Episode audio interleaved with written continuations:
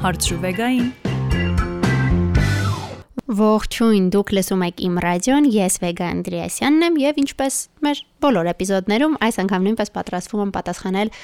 ձեր անանուն հարցերին, որոնք ձեզանից շատերն ինձ ուղարկում են Instagram-ով, դուք նույնպես, եթե առաջին անգամ եք միանում մեզ, եւ առաջին հարցը Ինչ անել, եթե կարևոր քննության ես, բայց ահավոր սպառված։ Այն որ հանգստանալուց մեղքի զգացում է, որ դաս չես անում, իսկ դասն էլ արդյունավետ չէ։ Ցավոք պետք է ասեմ, որ այդ մեղքի զգացումը հետագայում էլ աշխատանքի մեջ էլ երբեմն չի լքում, հատկապես այն մարդիկ, ովքեր աշխատում են ծանրաբեռնված գրաֆիկով, շատ հաճախ ունենում են նման զգացում, ես էլ, ընկերներիցս շատերն էլ, ովքեր միաժամանակ տարբեր տեղերում են աշխատում կամ պարզապես ունեն ծանրաբեռնված գրաֆիկ, միշտ նշում են, որ երբ հանգստյան օր են ունենում, միշտ այսպես կարծես մեղքի զգացում են ունենում, քանի որ հիշում են, որ իրենց գրասեղանին կան կիսատ գործեր, որ այդ ընթացքում ինչ իրենք հանգստանում են, կարող այն ինչ որ այլ բանով զբաղվել, բայց իրականում կողքից նայելիս ինքներդ էլ կհասկանաք, որ դա այդպես չէ, ազատ ժամանակ ինչ որ այլ բանով զբաղվել ոչ չէիք կարող, որովհետև ինչպես դուք եք նշել ձեր հարցում, դա արդյունավետ չէ, այսինքն կարծում եմ ձեր հարցում արդեն պատասխանն էլ կա։ Եթե ինքներդ հասկանում եք, որ այնքան սպառված եք, այնքան հոգնած եք, որ աշխատանքը կամ դասը սովորելը արդեն արդյունավետ չէ, կարդացած ինֆորմացիան տեղ չի հասնում կամ չի մնում գլխում, ապա պետք է ինքներդ ձեզ հետ անկեղծ լինեք եւ խոստովանեք, որ այո, դուք ունեք այդ հանգստի կարիքը։ Կարելի է դիտարկել մի քանի տարբերակ։ Առաջինը կրճատել օրվա մեջ պարապելու ժամերը, ավելի քիչ ժամանակ անցկացնել դասագրքերի կամ համակարգչի դիմաց, այսինքն կրճատել, հա, ընդհանուր, եւ մի փոքր ազատ ժամանակ թողնել կամ տարբերակ երկրորդ, մինչեւ քննությունները 1 կամ 2 օր վերցնել, ամբողջովին հանգստանալ, առհասարակ ձեռք չտալ դասագրքերին, ինքդ քեզ ազատություն տալ եւ երբ կստափվեք, ուժերը կհավաքեք, այն ժամանակ արդեն ել ավելի մեծ էնտուզիազմով ու ավելի շատ ուժերով վերադառնալ եւ շարունակել պարապել, որովհետեւ ի վերջո եթե մեքենայում յուղ չլցնենք, բենզին չլցնենք, այն չի կարող աշխատել, որքան էլ որ կոպիտ թվա համեմատությունս, բայց նույնն էլ մարդկային ուղեղն է կարծում եմ, եւ մեր առողջությունն ու առողջությունը շատ կարեւոր է, որpիսի կարողանանք աշխատանքում եւ կրթության մեջ արդյունավետ լինել, այնպես որ ոչ մի դեպքում ձեզ ուժասպառ մի արեք, մի կողմ դրեք մեղքի զգացումը, հիշելով, որ հենց այդ հանգստի ժամերն էլ ձեր աշխատանքի եւ կրթության ավելի արդյունավետ դառնալու համար են։ Երբ դասարանում բուլիինգի են ենթարկում, ինչ անել։ Սա բավական լուրջ խնդիր է, որին ցավոք սրտի առնչվում են շատ շատերը, ինչպես դասարաններում, այնպես էլ համալսարանում, ոչ միայն կրթության ոլորտում, երբեմն նաև աշխատանքում, ցավոք ավակ տարիքում նույնպես հնարավոր է այս երևույթին առնչվել եւ կարծում եմ ցավոք մեր երկրում այնքան էլ բարձրաձայնված թեմա չէ։ Նախ խոստանում եմ բոլոր աշակերտներին եւ առհասարակ բոլոր այն մարդկանց, ովքեր առնչվում են այս խնդրին, որ հենց այս թեմայով կունենամ հյուր,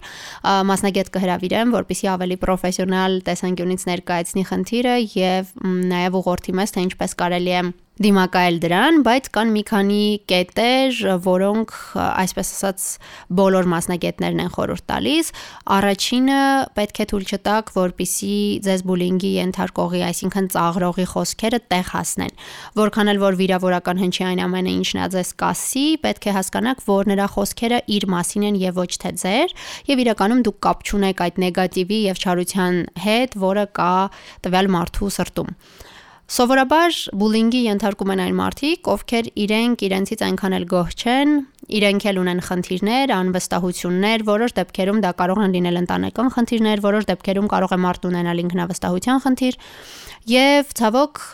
Կան մարդիկ, որոնք այդ ամբողջ նեգատիվը փորձում են դատարկել այն մարդկանց ուղղությամբ, որոշ դեպքում դպրոցում, որոշ դեպքում համացանցում, հիմա նաև on-line bullying-ն է ցավոք շատ տարածված եւ շատ երեխաներ դրան ենթարկվում են նաև համացանցում, սոցկայքերի իրենց էջերում։ Հետևաբար ամենակարևորը, որ պետք է հասկանաք, դա այն է, որ այդ խոսքերը չպետք է թողնեք որտեղ հասնեն, ձեզ ցավացնեն, հասկացեք, որ դա ձեր խնդիրը չէ, պարզապես ձեր դիմաց չարացած մեկն է, որը փորձում է ամեն կերպով ձեզ հունից հանել։ Դա էլ հենց երկրորդ կարևոր կետն է, աշխատեք հունից դուրս չգալ եւ որքան ավելի քիչ արձագանքեք եւ տակ հենց այն արձագանքը, որը ակնկալում է ծաղրողը, այնքան ավելի հավանական է, որ նա ձեզ հանգիստ կթողնի, որովհետեւ հաճախ բուլիներին, այդ ծաղրողներին դուր է գալիս հենց այն արձագանքը, որը նրանք կարողանում են ստանալ այն մարդուց, ում ծաղրում են։ Եթե հնարավոր է առհասարակ չարձագանքել եւ ուշադրություն չդարձնել տվյալ մարդուն, համարել որ նա պարզապես գոյություն չունի, ձեզ հետ նույն տարածքում չէ, ապա կարող եք այդպես վարվել։ Իսկ եթե դա անհնար է, գոնե փորձեք հումորի, սարկազմի միջոցով պատասխանել եւ ոչ մի դեպքում այն զայրույթը մի ցույց տվեք, որը նա ձեզնից ակնկալում է։ Եթե ամեն ինչ նոր է սկսվում, պետք է անկեղծ լինել մարդու հետ, ասել որ իր արածը ձեզ դուր չի գալիս եւ խնդրել որ վերջացնի, հասկացնել, որ հաստատ ծիծաղելի չի։ Իդեպ այս մասով շատ կարևոր են նաև դասընկերները, որովհետև եթե դուք ներկա եք գտնվում բուլինգին եւ ինքներդ չեք մասնակցում, սակայն ոչինչ չեք անում կամ առավել եւս ծիծաղում եք, միևնույն է վստահ եղեք, որ դուք կազմում եք դրա մի մասը, որովհետև եթե ամբողջ դասարանը տվյալ անձին ասի, որ գիտես, քո արածը ծիծաղելի չէ, չծիծաղի դրա վրա, ասի որ մի արա նման բան, ապա այս դեպքում արդեն ծաղրողը մենակ կմնա իրավիճակի հետ եւ գուցե հասկանա, որ պետք է դադարել։ Եվս մի բան, որ կուզեի խորհուրդ տալ, ես գիտեմ, որ հատկապես դպրոցական տարիքում նման թեմաներով ծնողների հետ կիսվելը երբեմն աշակերտների կողմից շատ ավելի վատ է ընկալվում եւ այդ ծաղրել ավելի շատ է շատանում, բայց նույնիսկ այն դեպքում, երբ չեք ուզում, որ ձեր ծնողները գան դպրոց, խառնվեն հարցին, միևնույն է գոնե կիսվել արժե, փորձեք խորհրդակցել նրանց հետ, գուցե նրանք պարզապես ինչ որ խորհուրդ տանի, վերջո նրանք նույնպես ձեր տարիքում են եղել եւ իրավիճակի այս կամ այն կողմում ինչ որ պահի հայտնվել են, այնպես որ ես խորհուրդ կտայի ներսում չպահել, անպայման խնդրի մասին ինչ որ մեկի հետ խոսել եւ փորձել խորհուրդ հարցնել։ Հիշեք, որ դուք մենակ չեք, հիշեք, որ ամենայն հավանականությամբ տարիներ հետո այդ մարդը ձեր համար որևէ նշանակություն չի ունենալու եւ նաեւ կա այսպիսի վիճակագրություն, որ բուլիների մեծ մասը կյանքում առանձնապես հաջողությունների չեն հասնում՝ ի տարբերություն այն մարդկանց, ովքեր իրավիճակի մյուս կողմում են եղել։ Ես վստահության խնդիր ունեմ։ Չեմ կարողանում վստահել իմ ընկերոջը, անընդհատ կասկածներ ու վախեր եմ ունենում, ինչպես նաև ունեմ բազմաթիվ կոմպլեքսներ։ Եթե անվստահությունը եւ ձեր կասկածները հիմք չունեն, այսինքն որևէ նախադեպ չի եղել, որը ձեզ այդպեսին է դարձրել, ինչ որ նախապատմություն չկա, չի եղել ինչ որ սուտ, որից հետո այս ամենը սկսվել է, ապա իհարկե արժե խնդիրը ձեր մեջ փնտրել։ Իհարկե կարելի է խնդիրը միասին քննարկել այսպես թե այնպես, որովհետև եթե զույգում կա խնդիր, ճիշտը ընդհանուր քննարկումն է։ Գուցե արժե անկեղծ լինել ձեր ընկերոջ հետ, հասկանալ նա ինչով կարող է օգնել, գուցե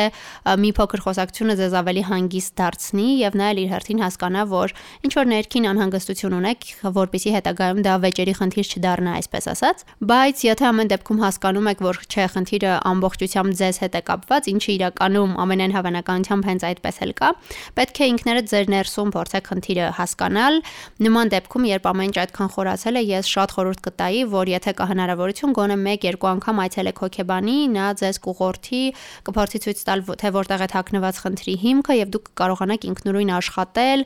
ավելի ինքնավստահ դառնալու վրա։ Միշտ հիշեք, որ իրականում երբ ինչ որ մեկին սիրում ես, այցերը պայմանավորված չի լինում նրա արտաքին տվյալներով, նրա առավելություններով կամ փոքրիկ թերություններով, եթե կարելի այդպես ասել։ Եվ վստահ եղեք, որ ձեր մեջ այնինչ դուք գուցե այնքան էլ չեք սիրում կամ ինչից կոմպլեքսավորվում եք, կարող է ձեր ընկերոջ ամենասիրելի բանը լինել ձեր մեջ։ Այնպես որ մի կենտրոնացեք այդ ամենի վրա, կարևորը իրար սիրելն ու հարաբերություններն են, եւ հիշեք, որ նա ձեզ է ընտրել անկախ ամեն ինչից։ Հետևաբար դուք նրա համար ամենալավն եք ու ամենասիրելին։ Ինչպես դառնամ իմ կյանքի գլխավոր հերոսը, սկսեմ ինքս ինձ սիրել ու գնահատել։ Երբեմն մենք մեր կյանքի գլխավոր հերոսը չենք լինում մի շատ པարզ եւ բավական տխուր պատճառով։